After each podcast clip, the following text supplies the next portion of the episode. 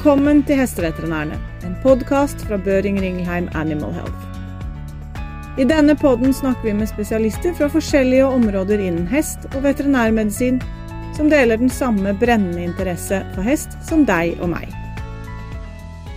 Da er det tid for et nytt avsnitt av Hesteveterinærene. Podkasten for deg som er veterinær eller dyrepleier som jobber med hest. Vi fortsetter snakken med Martin Krarup Nilsen og prater litt mer om utfordringene man står overfor som hesteveterinær når det kommer til parasitologi, både når det gjelder resistens, diagnostikk og behandling. I tillegg så kommer vi inn på hvordan vi skal håndtere misforståelser og utbredte oppfatninger på et område som de aller fleste hestemennesker kommer borti på en eller annen måte.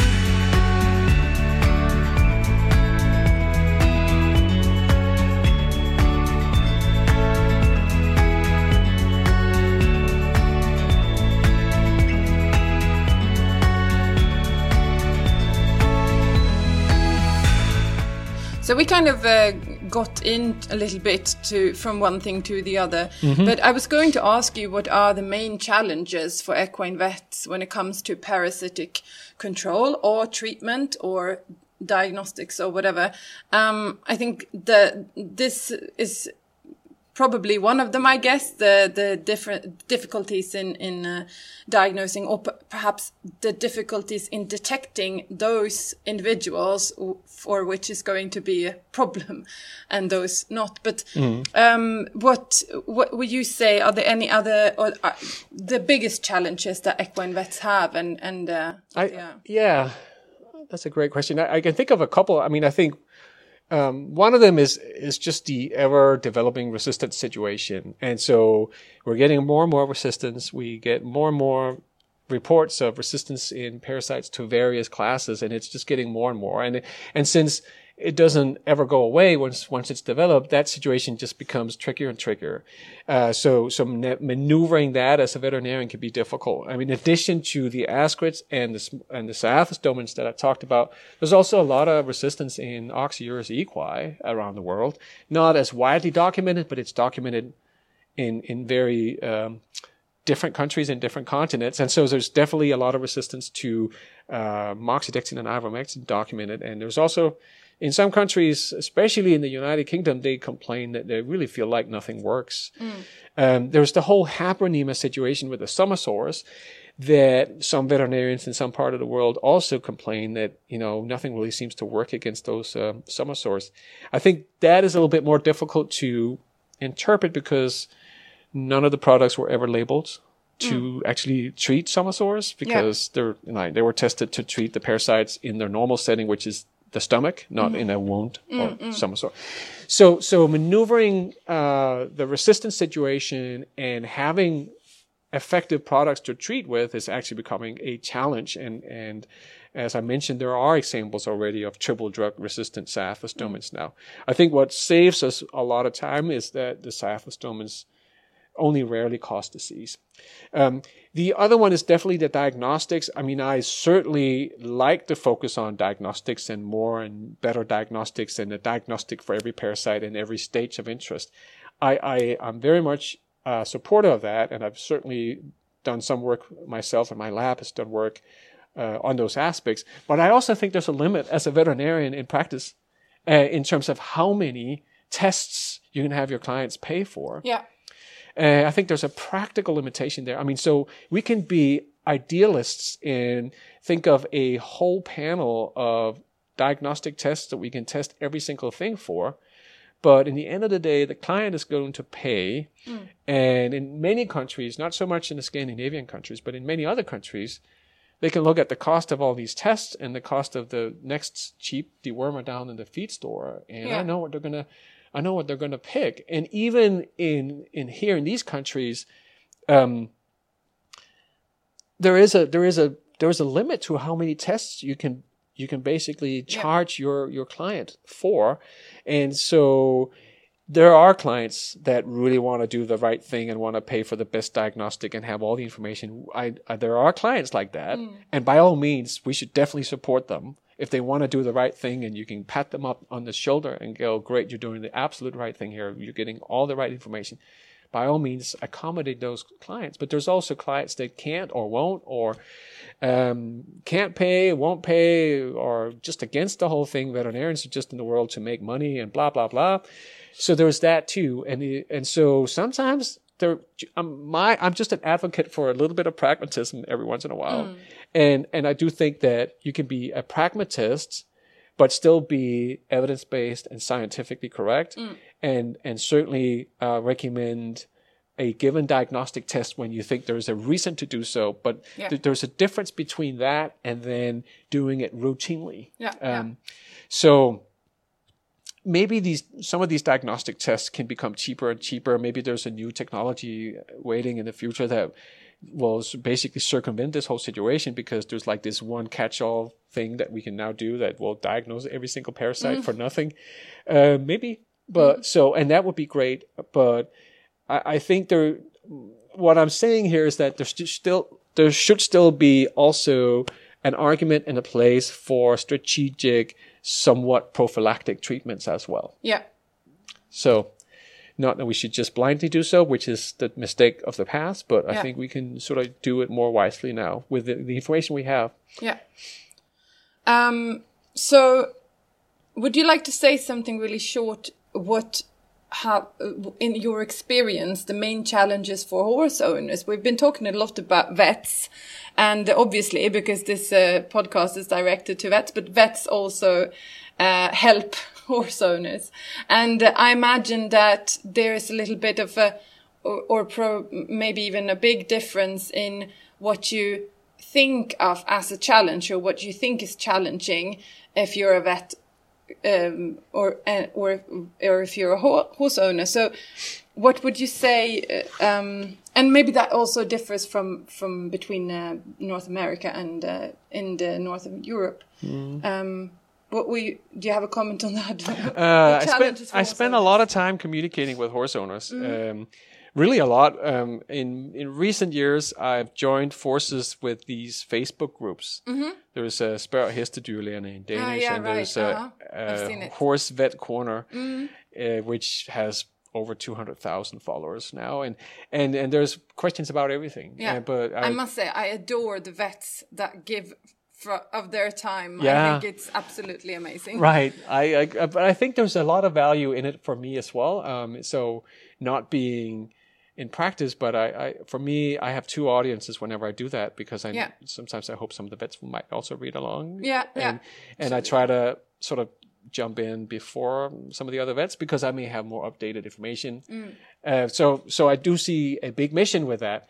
Um, and of course, that's a that's a, a, somewhat selected population because those are people that are really keen on getting information. But there's a lot of horse owners that really, really they have an appetite for information. Yeah and I want the, they want the latest, the greatest, the most up to date information. And and I um I often encounter horse owners being extremely open mm. to information and also very capable of actually uh, handling the information and yeah. understanding it and and and digesting it.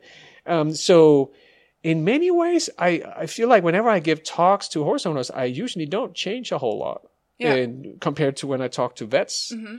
Um, vets are a little bit more skeptical. Yeah. I think I can say that because I think you you tend to, I do that myself. You tend to be a little bit more defensive when mm-hmm. this is something you're supposed to know about mm. or you are knowing you do know something about it. So you're a little bit more defensive to whatever this weird guy now has to say, right? Um, whereas a horse owner is just like, tell me, tell me, yeah. just give me information. And so sometimes it's a more I don't know if I can say an easy audience to talk to horse owners is mm. than vets. I mean, um, I think uh, skepticism is, is a good thing, right? Yeah. So I, I, do appreciate the skepticism and the critical questions, but it's just a little bit of a different dynamic. So what's the major problem for horse owners? I think, um, I think there's a couple things that are classic horse owner things. Um, there's still this I don't want my horse to have worms. I, you know, yeah. I like this idea of keeping my horse parasite free. So mm-hmm. that's a notion that's around a lot, and that's a misconception because it'll never be accomplished. Yeah. And horse owners are not necessarily always receptive to that message. Mm. So I think that's that's something I spend a lot of time on. Um, a classic question on any of these fora I mentioned is like, okay, I deworm my horse like yesterday or two days ago, and now there's worm there's worms in the feces. Do, When do I deworm it again? And I I always go, the whole point with what you just did was for worms to come out Yeah, with the yeah. feces. So this should not surprise you. I don't know yeah. why, and, and it should also not lead you to want to do anything right away. Mm. It's just what should be happening. I mean, and so, um, that conversation, so there's a psychology there where people are very, very reluctant or very, very sort of eager to go in and deworm a second time Mm. when they see dead worms coming out. So that's an interesting, not a big problem, but it's just an interesting, uh, um, sort of mindset that we see. Uh, so, so that's one horse owner thing. Um, uh, yeah, what was the other thing? The, um, and and then of course there's there's skeptics. Um, we we probably seen that more and more in recent years, like the vaccine skepticism. Now this isn't vaccine, but it's chemistry Yeah. there's this whole I want to use something natural. Yeah. Um, and um, and then there's there's horse owners around that will tell you what works, and they use this, that, and the other, and how it just works beautifully, and and so that sometimes can be a difficult sort of situation to tackle because these these herbal things, herbal products, some of them even have names that might imply that they should have some activity against worms, but um, whenever we get a chance, it doesn't happen very often, but when we do get a chance to actually evaluate some of these herbal supplements, they don't do anything. I mean, and I'm, I mean, I want to keep an open mind and say that, you know, somewhere out there, there's probably a great dewormer just waiting to be discovered, just like ivermectin, Yeah. which was a natural occurring um, compound produced by a bacterium in the in the soil. Now, um, but most of the time there really isn't anything, and some of these uh, supplements are just you know, quack. I mean, Yeah. uh, they're being sold. Uh, you know, wording is chosen very carefully so that they're, they're not you know marketing it as medicine, but they do imply that there's an efficacy. And and there's horse owners out there that would um, would not would not accept a statement that they don't work even without any evidence to Yeah. back their their stance up. So there's sometimes there's there's that going on. Uh, one of the biggest ones, not in Scandinavia but outside of Scandinavia, is diatomaceous earth. In the U.S., there's I mean there's so many people that believe that diatomaceous earth works and kills parasites, and they get very very upset when I tell them there's absolutely What, no what is that? Sorry for asking. But diatomaceous earth is um, uh, it, it's it's it's um it's sort of a it's a mineral um, sort of a shell from some microorganisms that have long passed and they're like diatoms uh, and they create this little shell surrounding them and these shells are little edgy sharp and there's this idea that if horses eat them or any animal, it would cut the worms in two and then kill the worms. Hmm. And there's so many people who believe so strongly in it that I get really whole, you know, hordes of people, you know, getting really angry with me and accusing me of being bought by the big pharma and all that oh. stuff. It's very, very interesting. There's just this psychology surrounding diatomaceous earth for some reason and, and really, really almost only diatomaceous earth. People are not as, as strong proponents for other natural uh, things, but that's just a thing that many, many people believe uh, that works. So sometimes we encounter that, and I, I'm sure that vets in in Scandinavia probably also experience some of this, at least to some extent. So I think those are challenges, you know, with horse owners, but also their vets and that interaction with the vets. Um, that uh, they wanna they wanna go for something natural, and they don't like this whole idea of shoving more chemicals in their in their Yeah. animals, and and so you know to some extent they they buy into my messages, which are you don't need to deworm as much as you Yeah. have in the past, and people like that. But then sometimes I get the other extreme Yeah. of the spectrum too. So they say that everything from the US they eventually make it to Europe. Let's hope this stays. Diatomaceous earth and, and the whole sort of movement, I want to say, behind it has been around for a very, very long time. And it's, it hasn't really made it to Europe, uh, yet. I have seen it a little bit in some of these supplements that have been sold, at least in Denmark, Okay. where there was one that said, uh, in, in Danish, diatomjord. Uh, so that's a direct translation. So Yeah. I've seen it, but I haven't seen it catch on to the extent that it apparently has in the Not States. yet a hype. Let's Yeah. hope it stays. Yeah. way.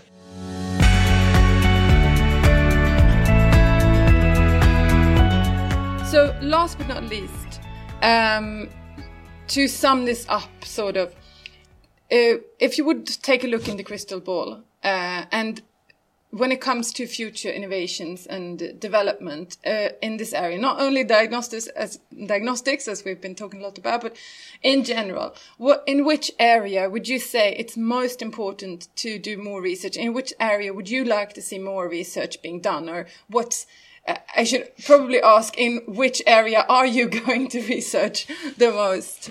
Um, what's Ye- the future there? Yeah, I mean, there's so much we don't know, which is astounding. Uh, so I, I think, you know, speaking to a person from a pharmaceutical company, I, I do want to say that we need new dewormers. Uh, Yeah. and, and I think that is very much a responsibility of the pharmaceutical industry.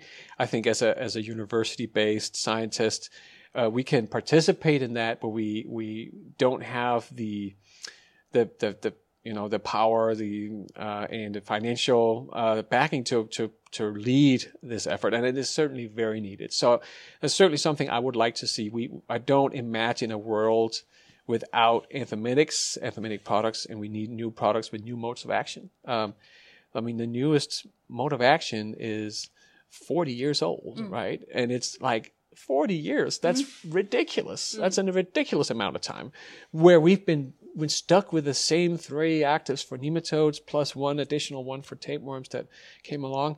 And so so that's basically that's definitely a big need. But i think on the more basic science uh, level um, we actually really don't have a clue um, of what the mechanisms of drug resistance even are. I mean, so I think when I started um, my career in research, um, I think there were some lots of optimism that we're gonna we're gonna crack that nut. We're gonna find the genes uh, that confer resistance, and then we can have genetic tests, and then we also understand how to bypass those those mutations and all.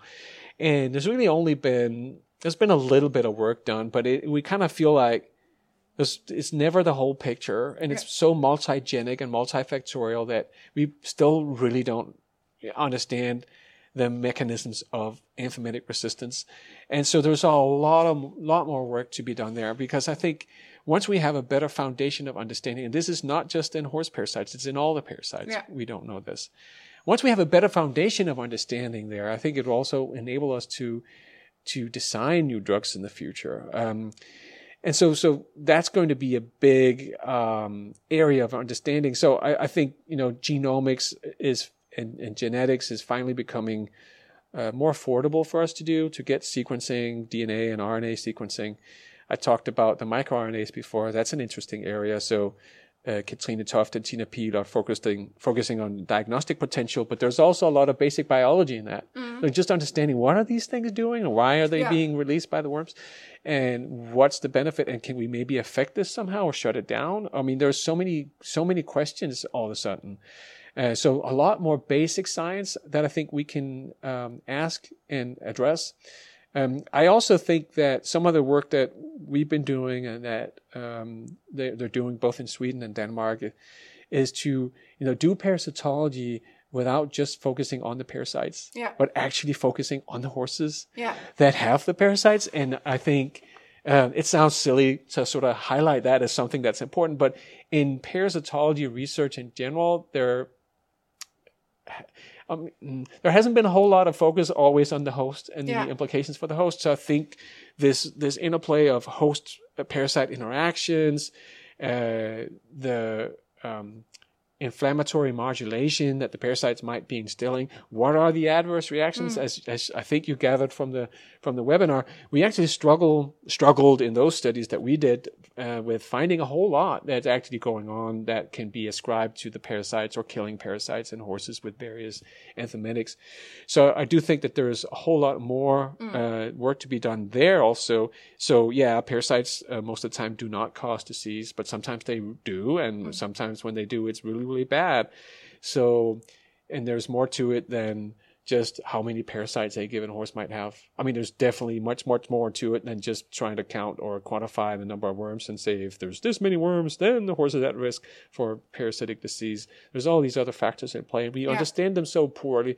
So, you know, I would really, I mean, I know this is part of what we're doing, certainly, um, um, really di- diving deep into some of these, these big oceans of, you know, information that we just don't know yet and don't understand yet, and try to reach a higher level of confusion. Maybe. um, it's it's fascinating. Um, so so certainly, I think there's much more to be learned. I think we're what we'll see in equine parasitology as well as in a lot of other equine scientific fields is the big data mm. era, right? Where you get like vast, vast amounts of, of, of, information. And then it becomes a whole challenge in itself to you know, uh, mine through all that data and make sense of it. But, you know, with the genetics, the genomics, the transcriptomics, the metabolomics, all of this mm-hmm. stuff that we now can do that we couldn't do just a few years ago, it enables us to get so much more information about these worms. And uh, the worms are going to be around. They're not yeah. going to go away. Uh, so, you know, for practitioners listening here, you know, you, whether you like it or not, and I don't have to tell you this, but whether you like it or not, you know, questions about parasites and parasite control are going to remain part of your practices for for the rest of your careers yeah. and beyond that. So uh, they're never going to go away. There's always going to be these questions. Yeah. And hopefully we get better and better at handling these things. So. Yeah, that sums it up quite well. Uh, thank you so much for being on this podcast with us, uh, Martin Nielsen. It was a pleasure having you here. I enjoyed it. Thank you very much. Thank you.